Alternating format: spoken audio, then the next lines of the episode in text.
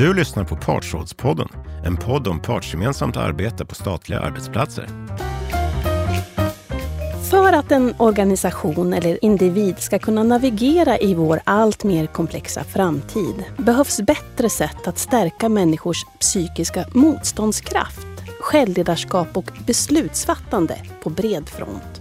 Det menar Erik Fernholm, medgrundare och VD på 29K. Partsrådets tjänst 29K hanterar stress som tagits fram i samarbete med 29K bidrar just till att utveckla individens förmåga att hantera komplexitet. Vilket kan göra oss hållbara, mindre stressade och proaktiva. Över tid leder detta till ett skifte i fokus från jaget till de andra och till samhället i stort. Medarbetare har då möjlighet att bidra till att skapa värde genom att lösa mer systematiska problem i organisationen, liksom i samhället i stort. Jag heter Emilia Liljefrost och är programchef för programmet för hållbart arbetsliv. I det här avsnittet tittar vi närmare på vinsterna med att utveckla sitt självledarskap. Bland annat i fråga om ökat engagemang, vi reflekterar över vad det innebär i statlig kontext och diskuterar om alla människor har förmåga att leda sig själva samt hur denna förmåga kan övas upp. Jag har med mig Gisela Bäcklander, arbetslivs och organisationsforskare vid Karolinska institutet i Stockholm. Hej Gisela! Välkommen! Hej, tack så mycket! Du är inriktad på områden som nya arbetssätt, självledarskap och organisatorisk agilitet du har varit med oss i ett tidigare poddavsnitt och pratat om hur vi motverkar ohälsa på framtidens arbetsplats. Är självledarskap nyckeln till en ljus och hälsosam framtid? Ja, som vi var inne på också lite i förra avsnittet så, så kan det verkligen bero på och det beror ju framförallt på liksom hur man utövar det skulle jag säga mer än att liksom har man det eller har man det inte. Utan jag tycker att det, man kan alltid prata om någon grad av av självledarskap och det kan absolut vara väldigt positivt eftersom det också innebär att man som arbetare eller som medarbetare har eh, en högre autonomi och liksom självbestämmande och får styra saker själv i sitt arbete, vilket de flesta människor uppskattar och liksom ha en utökad kontroll över sin arbetsdag. Men det kan också vara eh, negativt om det egentligen handlar om liksom att man har många organisatoriska, alltså, ja, organisatoriska problem om man säger som man liksom mer lämpar över på medarbetarna själva eh, och som kan vara väldigt svåra att lösa på en individuell nivå. Och då kan det istället upplevas som ett krav som är, blir negativt. Intressant. Om vi backar lite grann för att reda ut det här med självledarskap och vad det innebär och var begreppet kommer ifrån. Kan du berätta lite om bakgrunden? Ja, alltså begreppet egentligen kommer från en amerikansk managementforskare som heter Charles Mans på 80-talet kan man väl prata om. Um, men sen har begreppet, liksom, då har det handlade det mycket om att motivera sig själv och att motivera sig själv kanske också till att göra arbete där man inte alltid var så motiverad till arbetsuppgiften. Mm. så att man liksom, men, men jag, mycket arbete idag är ändå så här, det finns en ganska stark eh, motivation men mer att det handlar mer om att arbetet kan vara otydligt på olika sätt och att man inte alltid vet eh, riktigt hur man ska göra och att det, det blir upp till medarbetarna själva att definiera många av de här eh, sakerna. Men sen, jag menar idag och de senaste åren så har ju det här blivit lite av ett modebegrepp som folk fyller med väldigt mycket olika innehåll mm. eh, och det finns ingen egentligen som äger det här begreppet och liksom så här, det här är definitivt vad det betyder. Eh, utan många utbildnings, eh, som, folk som erbjuder olika utbildningar och sådär eh, använder ofta det här begreppet. Och då mm. har man kanske ofta mycket fokus på mer själv utveckling och så. Medan jag har mer som forskare studerat mer just det här kravet på självledarskap. Man säger, vad är det liksom i arbetena som kräver att man ska leda sig själv? Mm. Vilken koppling mellan självledarskap och möjligheten att utveckla en mer robust organisation ser du?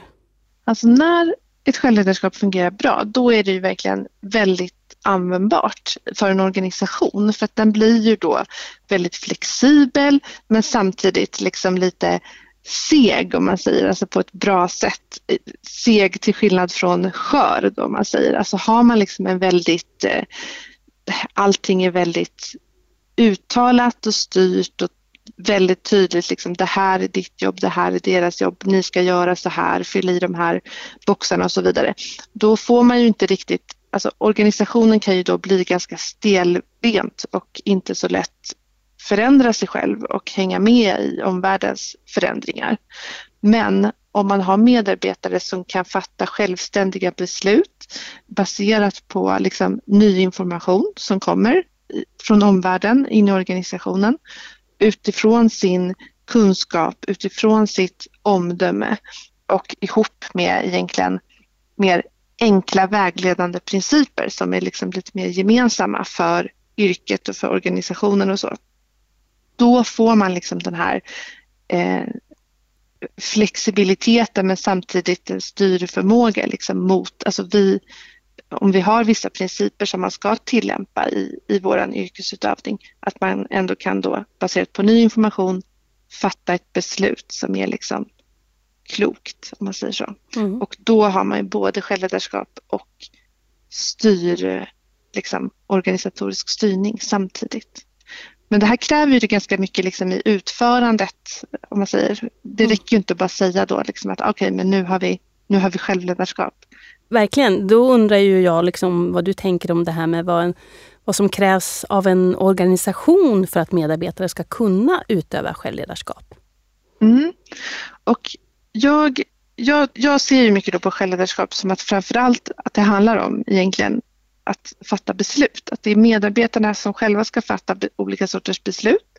Det kan vara stora och små beslut om liksom hur de ska lägga upp sitt arbete och sådär. Och vad, eh, vad är de baserar de här besluten på? Kan man tänka sig då, liksom från, från organisationens sida. Så om man har självledarskap, då har man kanske inte en jättetydlig arbetsbeskrivning. Eh, man kanske inte har jätte liksom, tydliga uppgifter som ska göras i en specifik ordning och inte jättetydliga instruktioner och sådär utan att man ska mer fylla i de här sakerna själv och att man har ett handlingsutrymme då. Men det blir ju viktigt då hur man Eh, kan organ, liksom orientera sig i organisationen på många olika sätt. Och bland annat då så kan man ju fundera över hur lätt det är liksom att förstå organisationens mål och syfte och anledning att finnas och hur god insikt man kan få i hur organisationen liksom fungerar. Att hur får man saker gjorda här? Vem är det egentligen som bestämmer? Hur funkar de här sakerna? Hur fattas beslut? Vem lyssnar man på? Hur ska man prata för att bli lyssnad på? Vem kan hjälpa mig med olika saker? Var kommer min information ifrån? Eh, den sortens grejer. Och att förstå sin egen roll och hur ens egen roll liksom interagerar med andra roller och såklart även att man har liksom kännedom om egna styrkor, svagheter och vad man har för unik kompetens och så, så att man kan relatera det till organisationens mål och hur man kan bidra. Men det måste liksom både då finnas goda möjligheter att, att, till att förstå sig på organisationen och världen som organisationen verkar i. Men man behöver också att det liksom känns ofarligt om man säger att signalera kring sina egna gränser i organisationen. Om man ska ta ett väldigt stort ansvar så måste det finnas sätt att kunna också säga nej eller signalera att man har för mycket och att det liksom inte slår tillbaka på en själv. För att om man blir liksom straffad av att signalera de här sakerna då kommer folk inte att göra det. Och då får man inte en så ärlig kommunikation. Och har man inte en ärlig kommunikation så blir organisationen och hur den fungerar, då blir det otydligare och otydligare istället för att det blir tydligare och tydligare. Mm.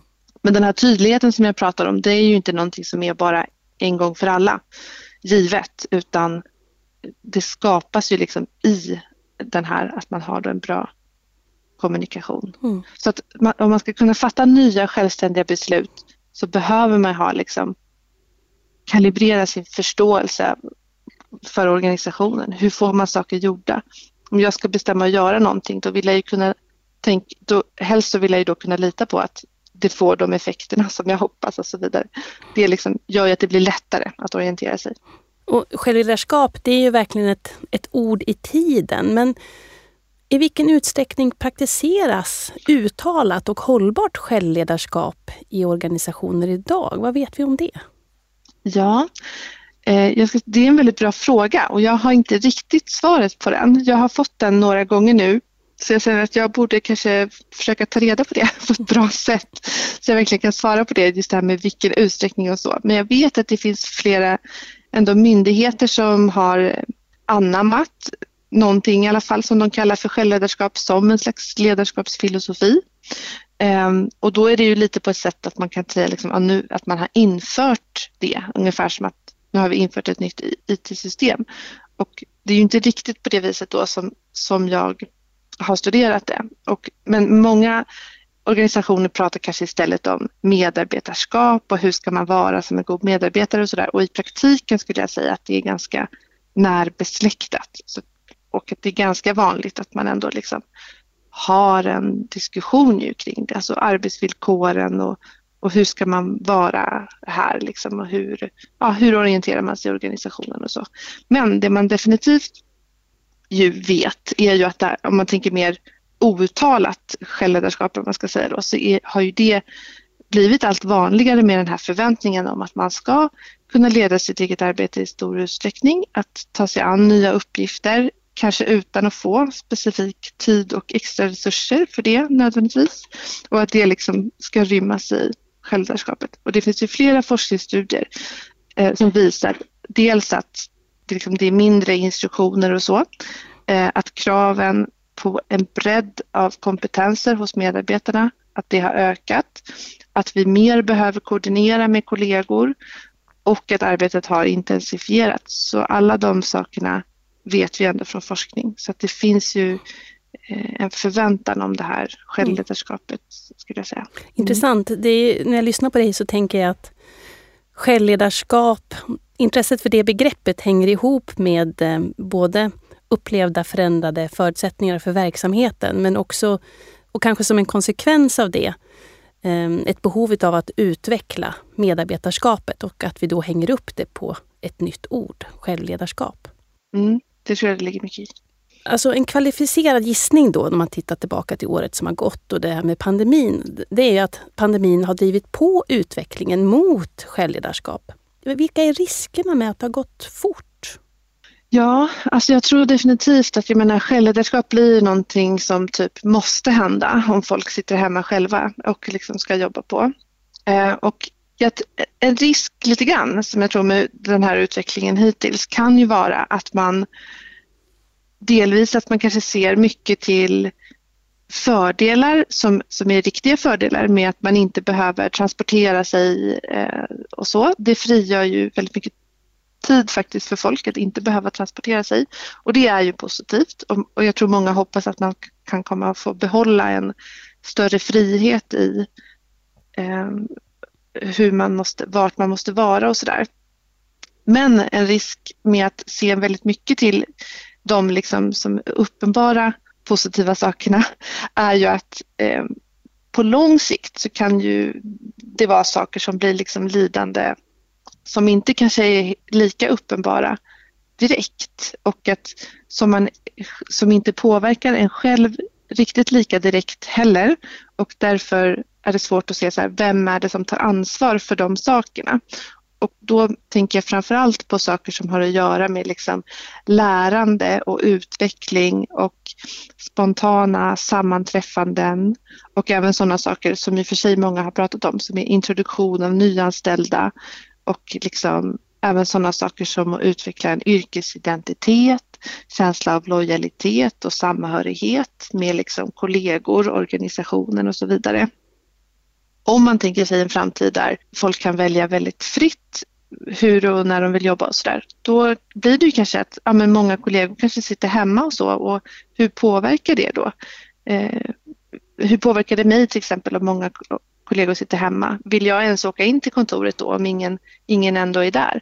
Och ifall jag inte åker in, ja men då är ju ingen där. Så då vill de andra inte heller åka in. Alltså att det blir som en, det kan bli en lite självförstärkande dynamik mot det där som, som kanske känns logisk för var och en. Eh, att det, det, här är ändå det bästa valet för mig men som på gruppnivå kanske inte är det bästa eh, valet. Och att det liksom blir, om man lägger ansvaret att bestämma det för individen så kanske man får något som egentligen inte är det bästa för, liksom, för alla, om du förstår hur jag menar. Mm, absolut, det låter som att organisationen behöver ta ett ansvar för hur man ser att man behöver ha det för organisationens bästa och för gruppens ja, bästa.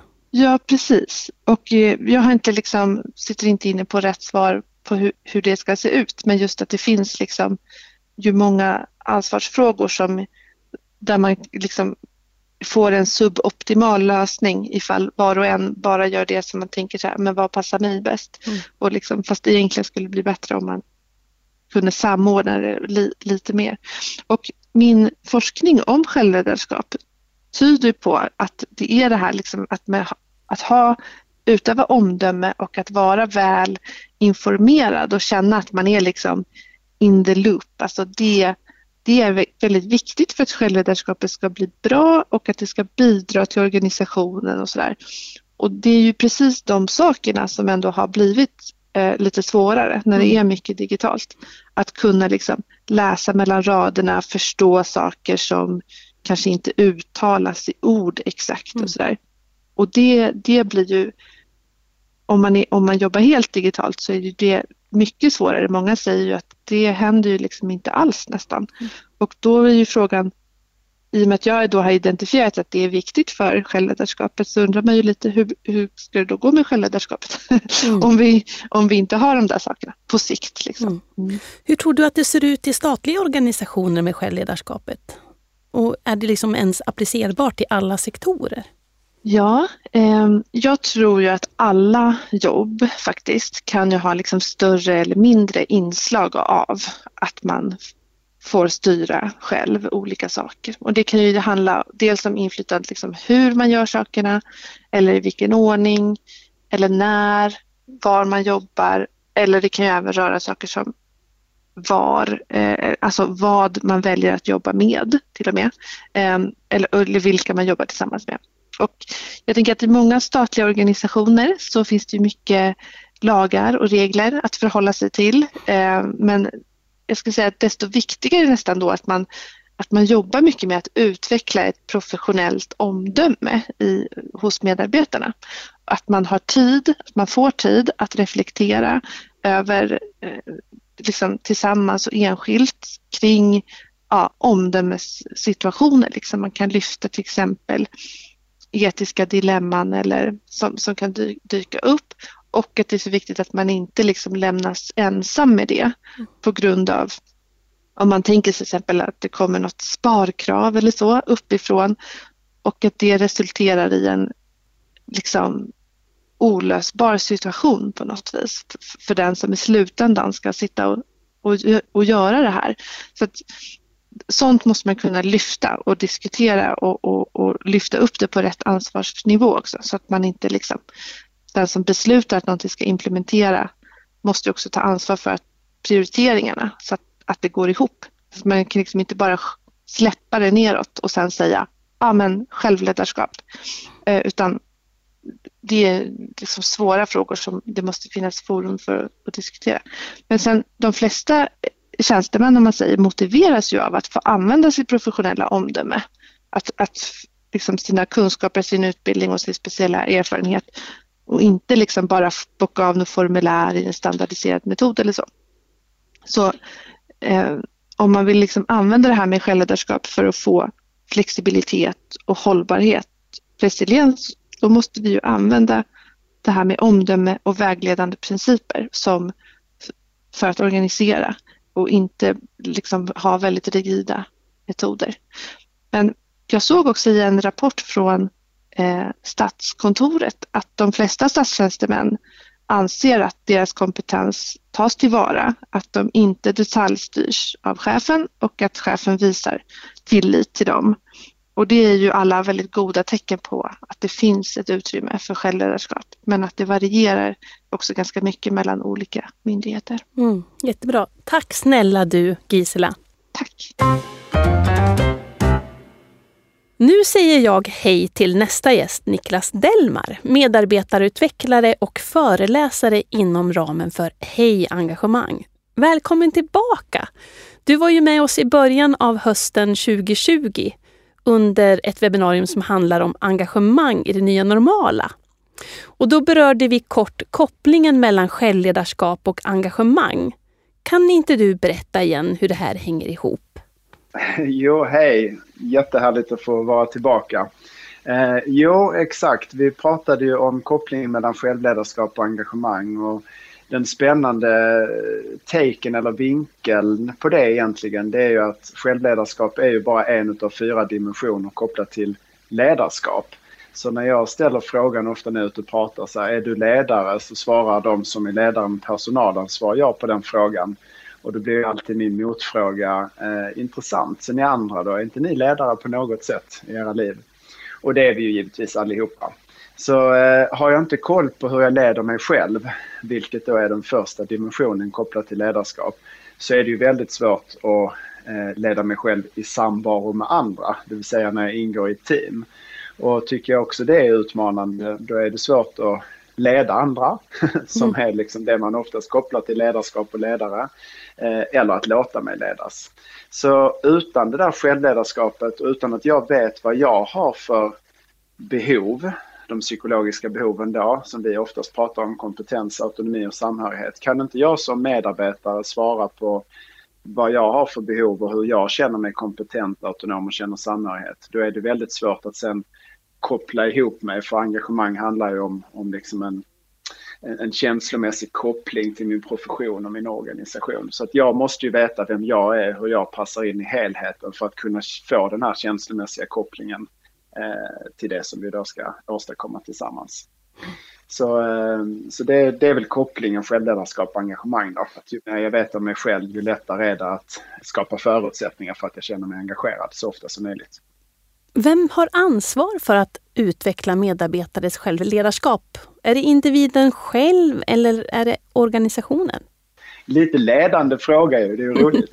eh, nej, eh, när, när jag ställer frågan då, vem är ansvarig för mitt engagemang? Eh, när inte det, frågan är självledarskap utan engagemang, så svarar ju alla eh, att det är mitt eget ansvar i Sverige då. Eh, utomlands så säger man chefen många gånger. Och san, sanningen ligger ju någonstans mitt emellan och det är samma sak här nu kopplat till självledarskap. Att, att leda mig själv, det kan ju inte någon annan ta ansvar för, tycker jag. Utan det är upp till varje individ att ha ett intresse för vad som behöver vara på plats för att jag ska må bra och prestera bra till exempel över tid. Det är bara jag som kan designa mitt liv så som jag vill ha det. Men eftersom att de flesta av oss inte är eremiter och lever helt ensamma ute i en skog eller en grotta så behöver ju jag som individ förhålla mig till det team jag eventuellt ingår i eller den organisation jag eventuellt ingår i. Och då blir ju plötsligt också eh, mina kollegor en del av, av mitt självledarskap eller, eller mitt engagemang. Precis som min chef eller ledare blir. Så vi brukar ju prata om 100% ansvar där vi menar att jag som individ behöver ta ansvar för att skapa de förutsättningar som jag behöver ha på plats. Och sen behöver jag förmedla dem till mina kollegor eh, och till min ledare. Eh, och sen behöver de hjälpa mig i största möjliga mån med att tillgodose mina behov. Det är mm. där hela det här teamworket kommer in. Eh, men, men eftersom frågan egentligen var att utveckla medarbetarens självledarskap så tänker jag att det är individen. Men så fort jag ingår i en organisation så kan ju organisationen stötta sina medarbetare i att ge verktyg och träning för att eh, alla ska ges utrymme på arbetstid för att ta reda på mer om sig själv. Och då måste jag ställa den här frågan också. Ser du att alla människor är lämpade att leda sig själva?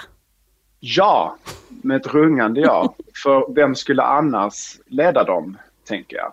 Och med det menar jag egentligen att sen kan vi ha olika förutsättningar för att leda oss själva. Det här i grund och botten så behöver man ju nästan backa några steg och prata om vad, vad är egentligen självledarskap?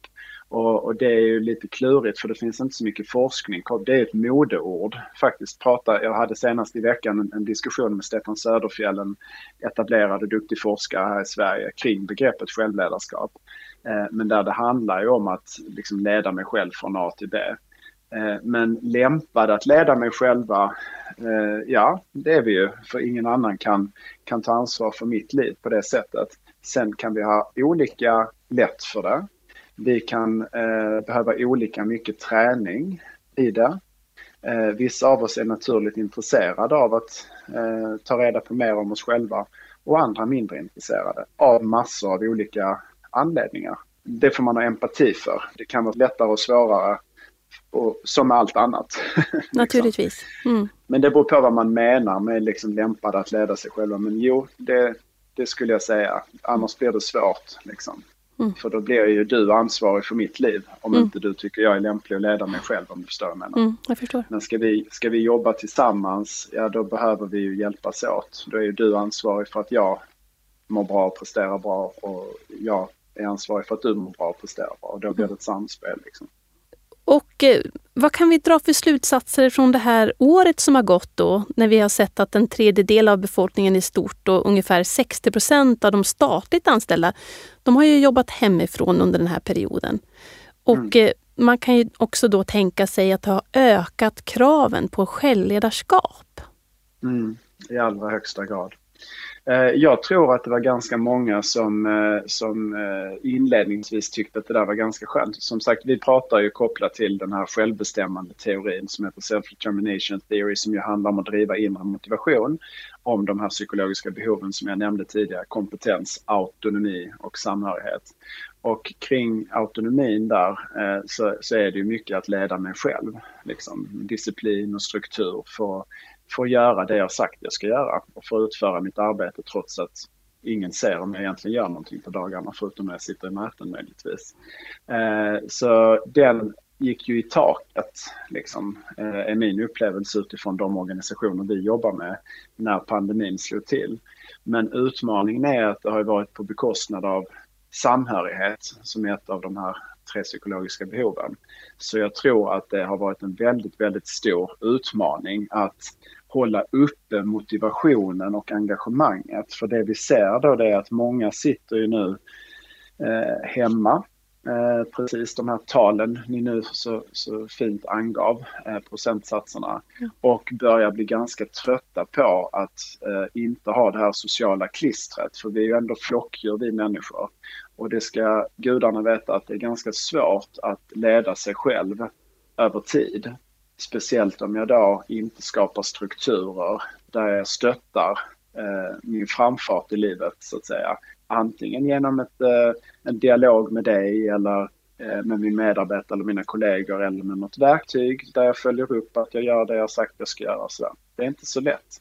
Mm. Eh, så att jag tror faktiskt att eh, eh, slutsatsen som jag drar av detta är att vi har fått väldigt mycket träning i att leda oss själva och vi är också därför nu väldigt trötta. Mm. Eh, jag upplever en lägre energinivå utan att ha några evidensstarka forskningsbevis på detta. Men eh, jo, det har vi ju lite grann. Man har sett att engagemanget har ökat eh, i många organisationer under pandemin men på bekostnad av vår hälsa. Mm. Det vill säga stress och oro har ökat och det tror jag är mycket för, kopplat till arbetsbelastning man är lite osäker. Det jag gör på dagarna, är det rätt saker? Mm. Eh, bidrar det på rätt sätt? Det är svårare att stämma av de här korta avstämningarna, att vi är på rätt håll som team och organisation.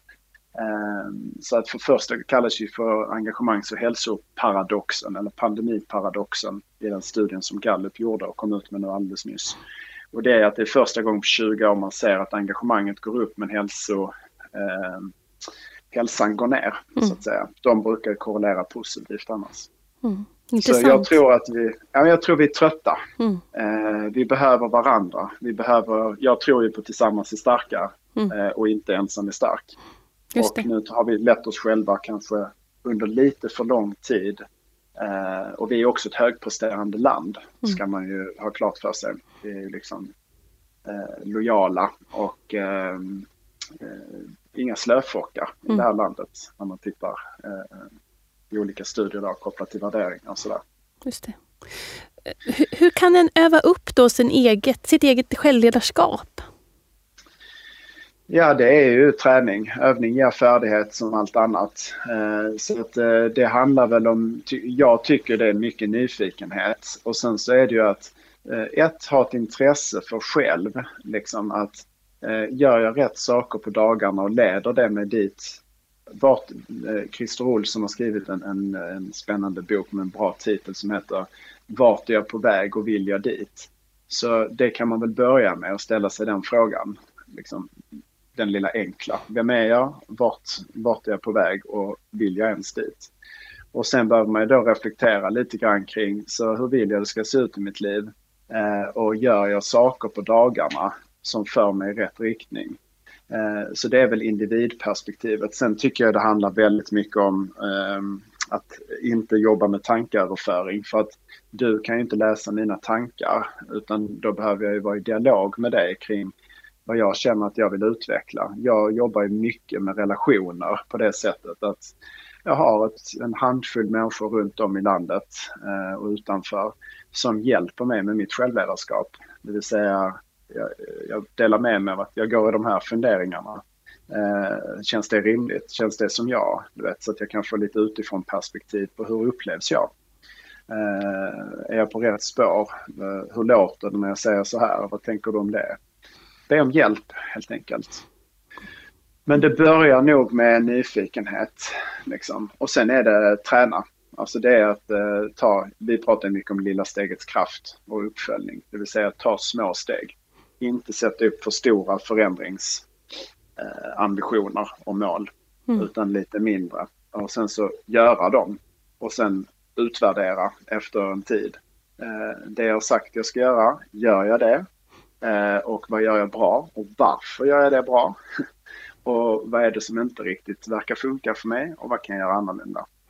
Jag använder en sån här habit tracker som det heter på engelska. En Spårare blir väl en dålig direktöversättning som heter way of life. Eh, ganska fult gränssnitt eh, och så. Men, eh, men det, den hittade jag för en 7-8 år sedan. Så det är liksom en, en stödstruktur i mitt självledarskap. Gör jag det jag sagt jag ska göra Eh, och varför går det bra och vad går mindre bra? Vad kan jag göra annorlunda? Nu har vi pratat om vad man kan göra själv för att öva sin, sitt självledarskap. Men hur ska en organisation understödja självledarskapet så att eh, det utvecklas på det mest positiva sättet? Finns det liksom fler metoder eller verktyg som och passar dem alla? Ja, men det är väl en bra fråga. Jag, alltså, jag tror ju inte så mycket på one size fits all. Men det är klart att det finns bra verktyg på eh, marknaden som, som eh, ni jobbar med några av dem. Eh, vet jag, i 29K till exempel. Eh, det är klart att det finns eh, verktyg som kan stötta. Liksom. Men jag tycker att det handlar om, för att svara på första delfrågan, liksom, hur ska en organisation understödja självledarskapet? Det är ju att man ett prioriterad och ser att det är viktigt att ju, ju mer våra medarbetare vet om sig själva, vad de har för behov på individnivå och hur de behoven jackar i teamets eller liksom organisationens ambitioner och riktning, eh, desto bättre. Eh, och sen behöver man ju då skapa utrymme för dialog så att du och jag kan dela med oss av våra respektive behov och se hur vi kan göra varandra bättre och hjälpa varandra på bästa sätt. Eh, och eh, metoder och verktyg. Det enklaste som jag tror jag nämnde sist vi sågs och pratade om det här, det är ju energikollen. Där man bara listar vad, vad gör jag som ger energi och vad gör jag som, som tar energi kopplat till mitt arbete. Eh, det kan man göra liksom i sin, i sin hand eller på datorn eller på ett vitt papper framför sig.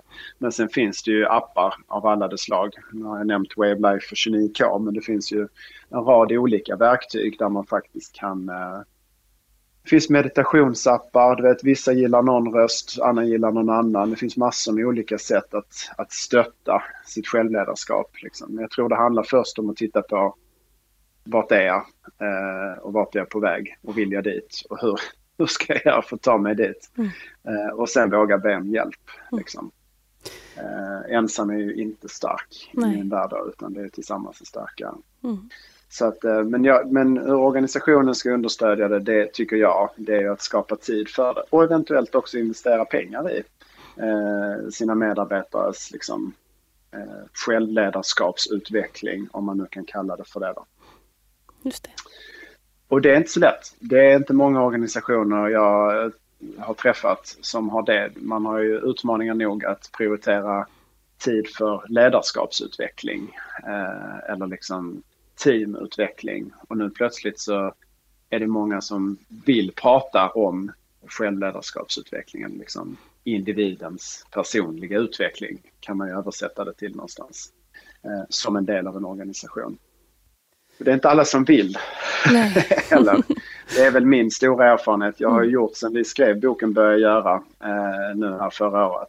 Så, eh, så har jag gjort en hel del medarbetarskap slash självledarskapsprogram. Och eh, min empiriska studie med nu några tusentals eh, deltagare eh, säger mig väl att det är väl någonstans mellan 15 och 25 procent som spontant och ganska enkelt eh, är nyfikna och intresserade av att eh, titta in lite mer i självledarskapsfrågan. Mm. De flesta är inte riktigt där ännu. Och det tror jag också handlar om att vi är ganska trötta.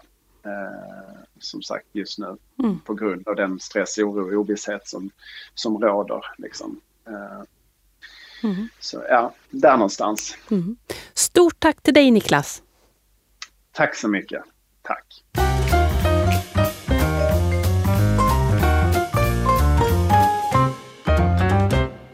För att återknyta till den tjänst jag nämnde i programmets inledning, 29K hantera stress, har jag nu bjudit in Fredrik Undén, verksamhetsutvecklare för arbetsmiljö på Försvarets materielverk, förkortat FMV. Hej och välkommen Fredrik! Hej, tack så mycket! I din organisation är ni ju igång med tjänsten. Vad ser du att 29K hantera stress bidrar med i fråga om självledarskap? Det, det som jag tänker på mycket det handlar ju om en situation som dels naturligtvis beror på att vi har observerat att stress är någonting som förekommer men att det också bidrar till att eh, ge en individ en utveckling och för att kunna förhålla sig till olika situationer. Och jag måste också tillägga med tanke på den här pandemin att jag tror att det också bidragit till att tillsammans med en liten grupp, dels som ett socialt skäl men också att utveckla tankar gemensamt och det tror jag har varit väldigt gynnsamt för var och en att, att kunna ha det sammanhanget. Mm. Vad innebär självledarskap i en statlig kontext sett till myndighetsuppdraget och rollen som statstjänsteman? Ja, jag ser ju, dels så tänker jag ju utifrån det här med krav och kontrollmodellen, när man, den här vanliga modellen av Karasek och Töres Theorell, där det här kontrolldelen blir intressant att kunna, mm. att kunna se hur man som, som eh, myndighetsperson kan agera eller som statstjänsteman. Och det här är ju någonting som tidigare kanske var det på 80-talet om det var Göran Arne som beskrev det här med gräsrotsbyråkrati, lite annat perspektiv. Men, men hur, vad det innebär att uppbära vissa myndighetsuppgifter i, i, i en roll som statstjänsteman.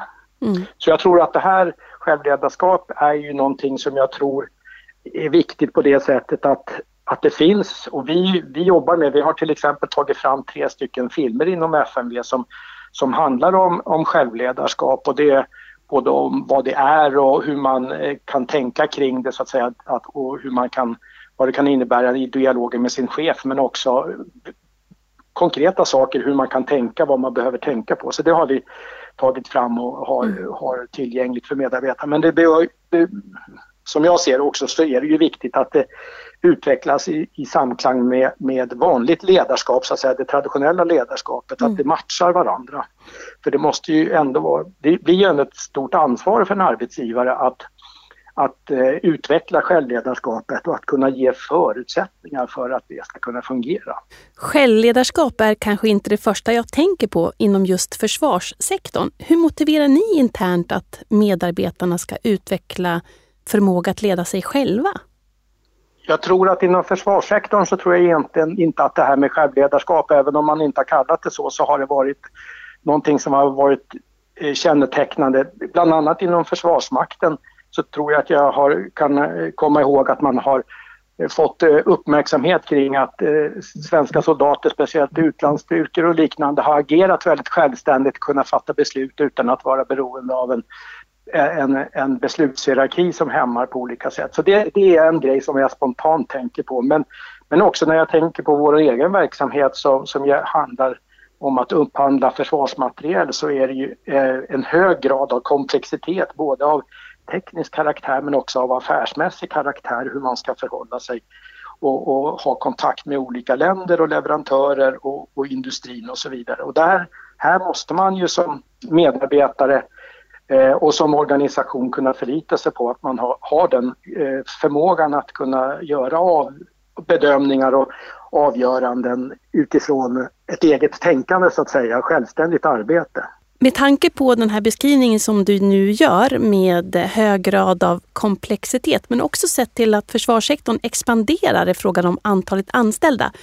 Hur viktigt tror du att förmågan till självledarskap kommer att bli framöver?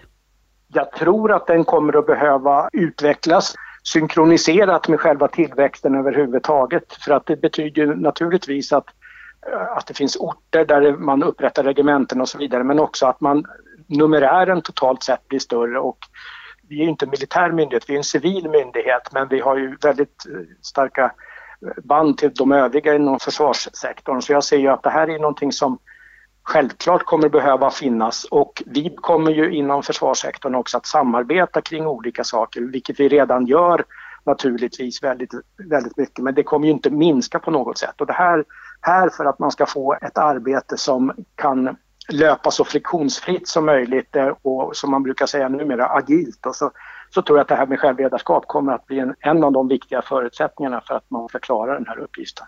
Vilka erfarenheter har ni dragit av tjänsten 29K Hantera stress som helhet som du kan dela med dig av eh, nu?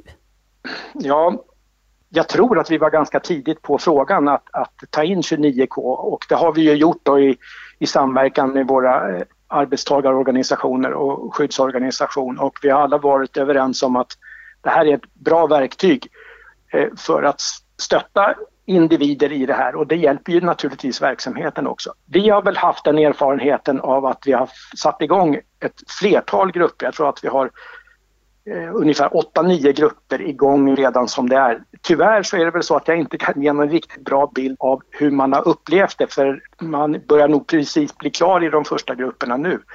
Men det jag hör det verkar vara att man uppskattar det här och att i vissa fall så har man också tänkt att man ska fortsätta sin grupp mm. och att ha ytterligare kontakt efter att programmet är slut för att kunna stödja varandra och, och, och ha ett utbyte.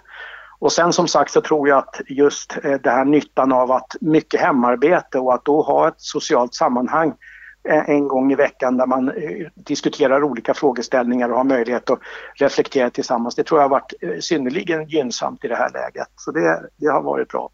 Vi känner ju själva som arbetsgivarorganisation att det är väldigt fint att kunna erbjuda någonting av den här kalibern och jag måste ju säga att eh, även om man kan tycka att orsakerna till det är lite jobbiga så att säga, behovet av det så tycker mm. jag att det har varit väldigt roligt själv att kunna vara sån här kontaktperson och få dela med mig av de här licenserna och se till att folk får komma igång i olika grupper. Så det har varit en, en oväntad rolig uppgift för mig själv. Mm, vad roligt, vad kul att höra.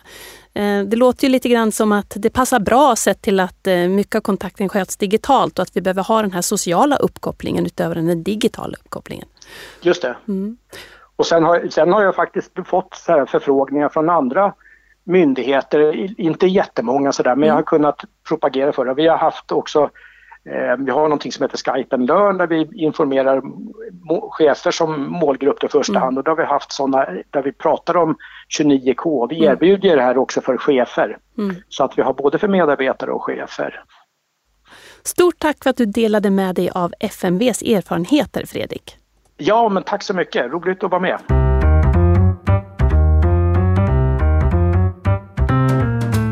Det har nu blivit dags att runda av och jag hoppas att du som lyssnat fått fördjupad kunskap om och nya infallsvinklar på självledarskap och kanske blivit nyfiken på tjänsten 29K Hantera stress. Mer om den och allt annat stöd som erbjuds kostnadsfritt till statliga organisationer hittar du på vår webb.